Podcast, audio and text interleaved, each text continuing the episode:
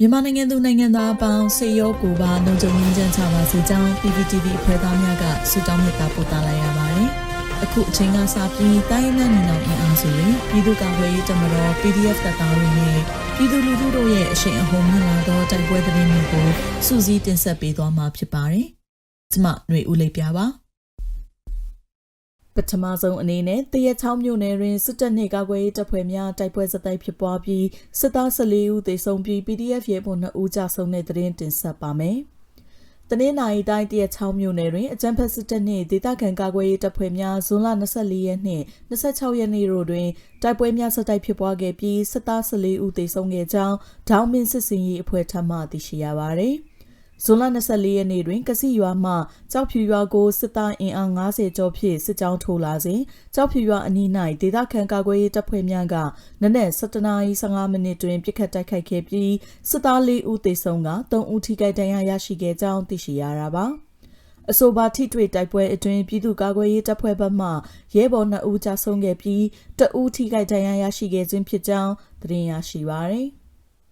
ဇွန်လ26ရက်နေ့နနက်ပိုင်းတွင်အကြံဖက်စစ်တပ်ကကြောက်ဖြူရွာရှိပြည်သူပိုင်နေအိမ်၃လုံးနှင့်စပယ်ကြီး၃လုံးကိုမိရှို့ဖျက်ဆီးခဲ့ပြီးစော်ဖျားရွာသို့ပြန်လည်ဆုတ်ခွာခဲ့ကြောင်းသိရှိရပါသည်။အကြံဖက်စစ်တပ်စစ်ကြောင်းစော်ဖျားရွာသို့ပြန်လည်ဆုတ်ခွာလာစဉ်လန်ခီတလျှောက်ဒေသခံကာကွယ်ရေးတပ်ဖွဲ့များကကတိဝရွာနှင့်စော်ဖျားရွာကြားနှင့် မိုးရွှေကုန်းရွာနာတို့တွင်ထပ်မံပစ်ခတ်တိုက်ခိုက်ခဲ့ပြီးစစ်သားစေဦးထပ်မံသေဆုံးပြီး9ဦးထိခိုက်ဒဏ်ရာရရှိခဲ့ကြောင်းသတင်းရရှိပါရရှင်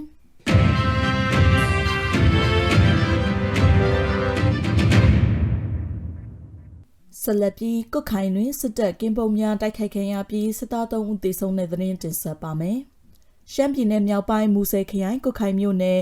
နမ်ဖတ်ကာရွာနှင့်ပန်ကန်ရွာကြားတွင် လာရှိုမူဆဲဖျောင်းစုလက်မကြီးပေတောင်ကုန်းတစ်ခုပေါ်တွင်ကင်းပုံဝင်နှင်းသည့်တမ69လက်အောက်ခံခမာယ410ခွန်တရင်မှစစ်သားများကို PDF ကာကွယ်ရေးတပ်ဖွဲ့များကဝင်ရောက်တိုက်ခိုက်ခဲ့ပြီးစစ်သား3ဦးသေဆုံးခဲ့ကြောင်းပြည်သူ့လုံခြုံရေးနှင့်ကာကွယ်ရေးတပ်ဖွဲ့ PSDA ထပ်မံသိရှိရပါသည် အကြံဖက်စစ်တပ်ခမာယ410ခုမှကင်ပုံဝင်နေသောစစ်သားများကိုပြည်သူ့လုံခြုံရေးနှင့်ကာကွယ်ရေးတပ်ဖွဲ့တရင်111နှင့်တရင်222မှရဲဘော်များကဝင်ရောက်တိုက်ခိုက်ခဲ့ခြင်းဖြစ်ပြီးစစ်သား3ဦးသေဆုံးကအများအပြားထိခိုက်ဒဏ်ရာရရှိခဲ့ကြောင်းသိရရှိပါသည်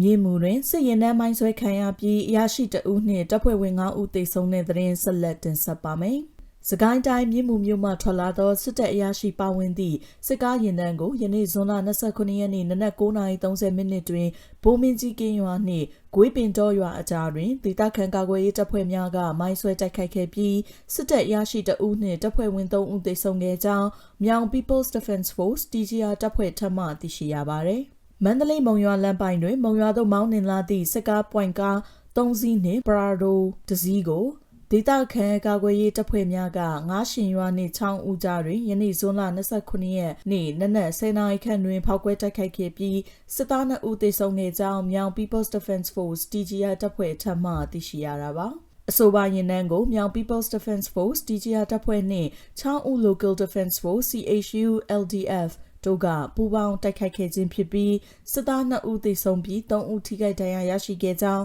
သတင်းရရှိပါသည်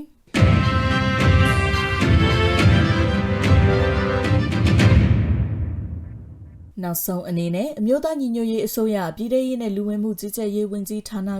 2022ခုဇွန်လ28ရက်ရက်စွဲနဲ့ထုတ်ပြန်တဲ့ပြည်သူ့ခုခံတော်လှန်စစ်တရင်ချက်လက်တွေကိုတင်ဆက်ပေးသွားမှာပါ။ အာနာသိန်းအကြမ်းဖက်စစ်အုပ်စု၏ပြည်သူလူထုအပေါ်အကြမ်းဖက်ဖိနှိပ်ဖမ်းဆီးတိုက်ခိုက်တပ်ဖြတ်နေမှုများကိုပြည်သူလူထုတရက်လုံးကအသက်ရှင်သန်ရေးအတွက်မိမိကိုယ်ကိုမိမိခုခံကာကွယ်ပိုင်ခွင့်အရာပြည်သူခန့်စစ် People's Defensive War ကိုဆင်နွှဲလျက်ရှိပါတယ်။သတင်းချက်လက်များအရ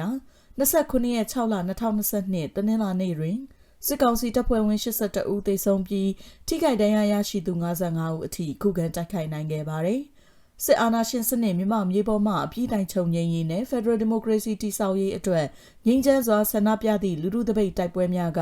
ပြည်내နဲ့တိုင်းဒေသကြီးများမှာဖြစ်ပွားပေါ်ပေါက်လျက်ရှိပါတယ်ရှင်။မြေပြင်မှာယခုတွေ့ရတဲ့သတင်းချက်လက်များထက်ပို၍ဖြစ်ပွားနိုင်ပါတယ်ရှင်။